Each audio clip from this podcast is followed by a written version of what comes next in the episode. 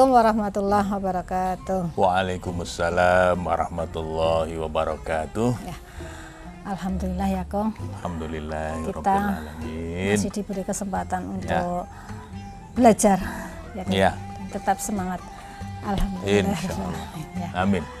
Nah, Kong, apa benar Kong orang itu pada hakikatnya ingin ingin dipahami Mhm. ya. Namun sebagian besar dari kita Mhm. itu belum memiliki kemampuan Ya. untuk memahami orang lain. Ya. Nah, gimana ini Kong? Ya.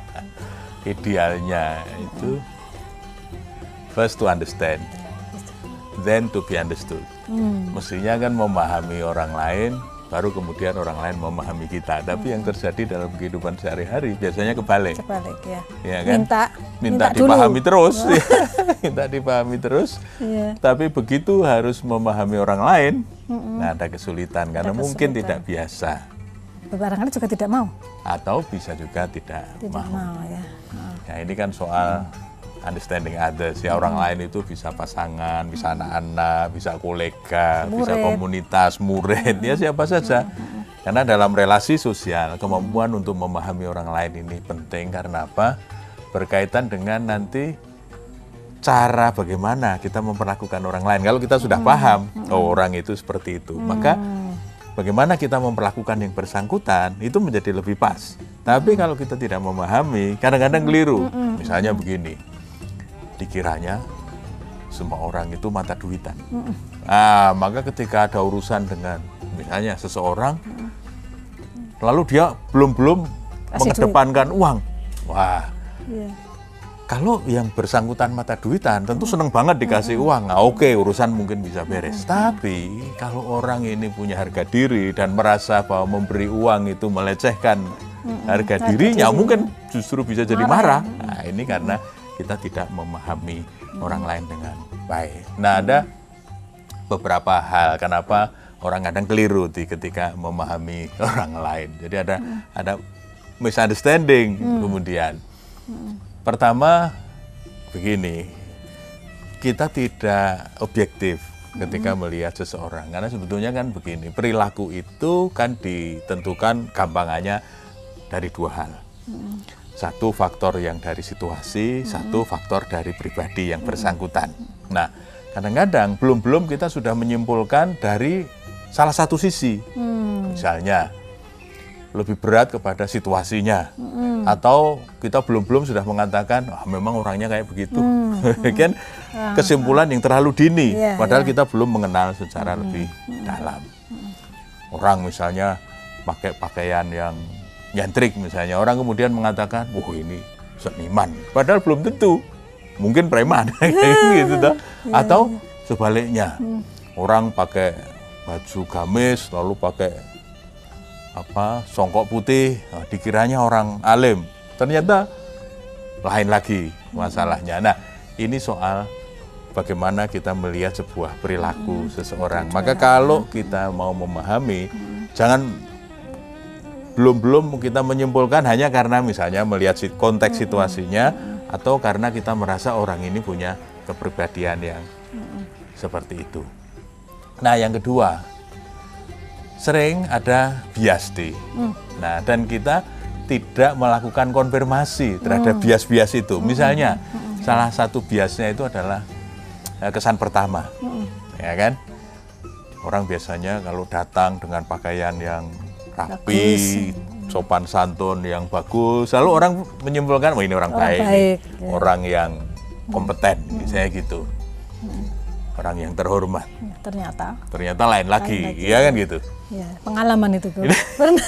Pernah ya ada pengalaman gimana Iya. tuh? Nah itu datang pakainya Uh-uh. bagus, bicaranya, Bicaranya. juga halus, minta sumbangan, eh nggak taunya Ya, dia ngambil burung, burung dari di tetangga. iya ternyata. Jadi ternyata penampilan yang bagus itu kadang eh, lain lagi yang sesungguhnya. Maka kesan pertama itu, maka dulu ada iklan produk itu kesan pertama begitu menggoda. Itu karena memang kesan pertama ini sering menentukan Menentukan ya kesimpulan kita selanjutnya. Maka kita hati-hati jangan terjebak pada kesan pertama karena ini Pandangan baru pertama ya. pandangan pertama itu Iya. baru Kulitnya. ya kulitnya kita belum masuk ke yang sesungguhnya. Jadi kita konfirmasi. Jadi kalau ada bias-bias gitu kita cek, kita konfirmasi. Nah, yang ketiga ini orang itu cenderung tertarik dengan yang cakep. Kalau laki-laki ya ganteng. Ganteng. Oh. Kalau perempuan yang cantik. Dan Penampilan orang cenderung fisik ya? penampilan fisik Iya. ini kemudian memberi kesan positif. Jadi kalau misalnya orangnya cantik ini mesti pinter. Eh belum tentu kan? Oh ini kalau orangnya ganteng ini mesti baik hati. Tapi orang kecenderungannya begitu. Hmm. Padahal belum tentu. Dan- Iya. Iya kan? Atau similarity, kesamaan. Jadi juga bias itu di samping penampilan fisik, itu juga kesamaan. Misalnya ketika melihat orang punya kesamaan dengan kita, wah ini orangnya bagus ini. Oh. Itu hanya gara-gara ada hal-hal tertentu yang sama dengan Sama kita. dengan kita, ya. Misalnya sama hobinya, Hmm. sama pilihan tokohnya, atau sama asal daerahnya gitu. Lalu kemudian kita bisa merasa merasa akrab, akrab, merasa ya. dekat gitu padahal hanya karena bias similarity istilahnya itu bias kesamaan. Kesamaan. karena sama kemudian menimbulkan daya tarik yang keempat judgement itu dipengaruhi oleh pengalamannya di masa lalu. Jadi kalau orang punya pengalaman yang tidak enak tentang sesuatu maka ada kecenderungan kalau ketemu dengan yang sama itu lalu kesannya Sama. sama dengan dulu yang tidak iya. enak. Itu jadi misalnya dulu dia pernah punya pengalaman buruk dengan seseorang dengan tipe tertentu maka dia punya kesimpulan kalau ketemu orang dengan tipe yang sama itu lalu oh kira-kira ya cuma sama, Sama dengan, yang dengan- dulu oke. misalnya begitu. Oh, maka kita harus hati-hati ketika akan memberikan penilaian yang kadang terbajak oleh pengalamannya di masa lalu. Nah yang kelima kecenderungan orang itu menyamakan orang lain itu dengan dirinya. Oh. jadi kalau asumsinya ini begini, orang lain itu juga punya pikiran dan selera yang sama, dengan dia. Padahal kan enggak. Iya, orang kan punya cara pandang, punya masa lalu, punya ilmu, punya pengalaman yang berbeda-beda. Tentu aspirasinya juga Bisa berbeda. berbeda. Sangat mungkin bisa berbeda. Maka asumsi bahwa orang lain itu sama dengan kita itu sering kali Saya apa? ya jadi tidak akurat ketika kita menilai orang lain. Ya. Iya. Ya. Kok Iya. berarti di kehidupan sosial kita itu memahami orang lain. Iya.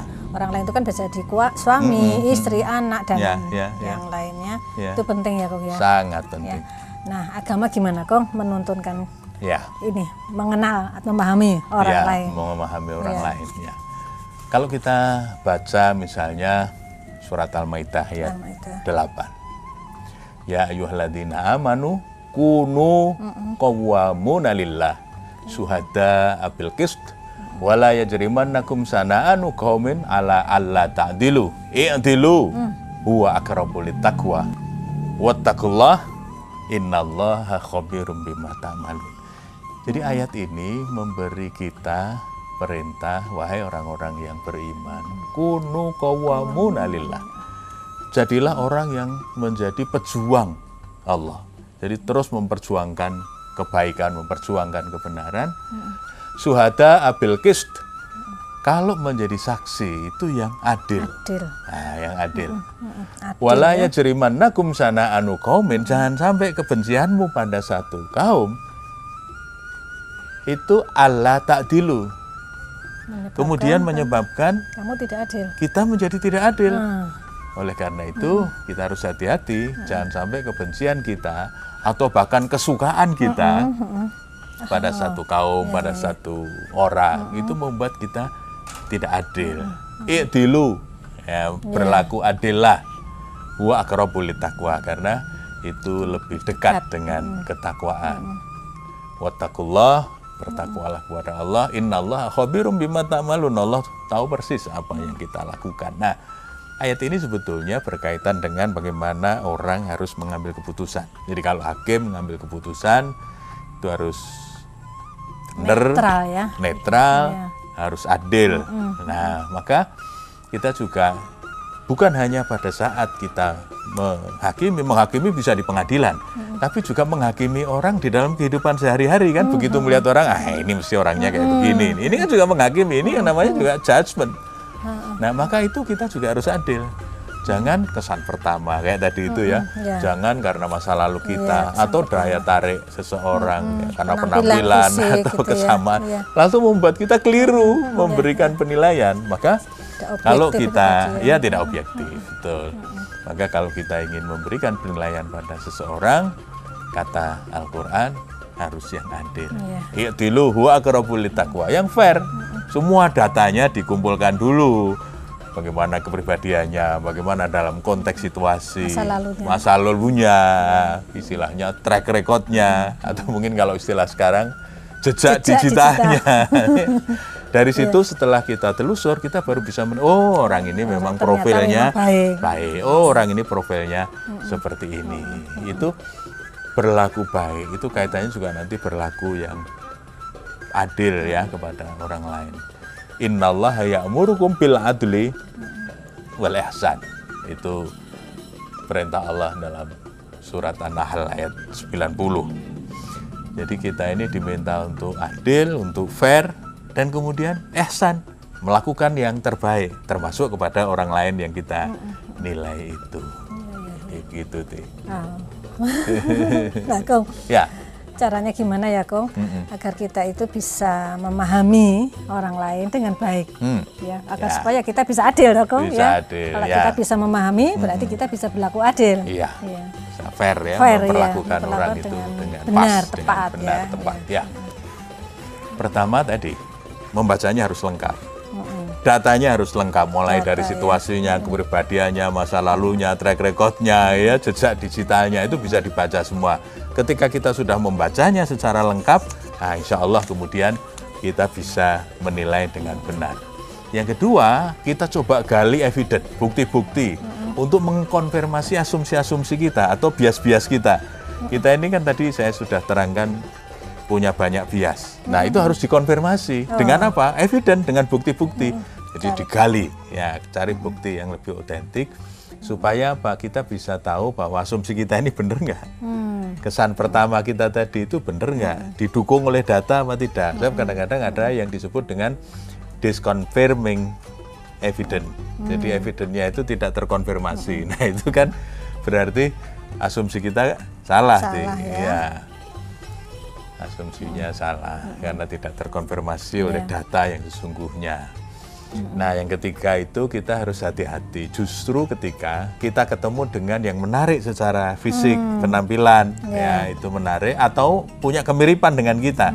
Jangan-jangan penilaian kita itu eh, apa istilahnya ya berlebihan berada di atas yang yang semestinya. Jadi kita menilai lebih gitu. Iya, Padahal mungkin kondisinya tidak Overestimate. mungkin overestimate. Karena penampilannya menarik dan punya kesamaan dengan kita. dirinya, Maka ya. kemudian nilainya kita naikkan padahal mungkin belum belum tentu ya. tentu seperti itu. Mm. Yang keempat, kalau punya luka lama sebaiknya disembuhkan dulu karena kadang-kadang luka ini membuat mata kita kabur ketika melihat orang Sesuatu lain ya, karena kacamatanya pakai masa lalu. Nah, kalau kebetulan masa lalunya nggak enak, itu lalu orang lain itu sering mendapatkan skor yang tidak enak karena tarikan di masa, Masa lalu lalu. kita. Maka sebaiknya kalau punya masa lalu yang tidak enak, selesaikan dulu, sembuhkan dulu supaya sembuhkan ya. mata kita jadi jernih ketika melihat orang lain. Nah, yang terakhir kita kenali sisi-sisi yang sensi pada kita. Setiap orang itu kan punya apa Iya. ya hal-hal yang sensitif, Sensitif, ya. ya kan? Nah, kita kenali. Maka kalau kita kemudian akan menilai yang berkaitan dengan sisi-sisi sensi kita, nah kita harus hati-hati. Jangan-jangan ini tidak akurat karena kita memang sensi untuk hal-hal itu. ya kan? Kacamatanya Kacamatanya jadi tidak Jadi, pas. ya. Ah, ah, Maka kita perlu terus melatih diri agar kalau ada orang lain itu kita coba kenali harapan dan seleranya supaya ukurannya jangan Dirinya, diri sendiri dirinya dikiranya semua orang itu sama, dengan Sama. dia kan? Enggak?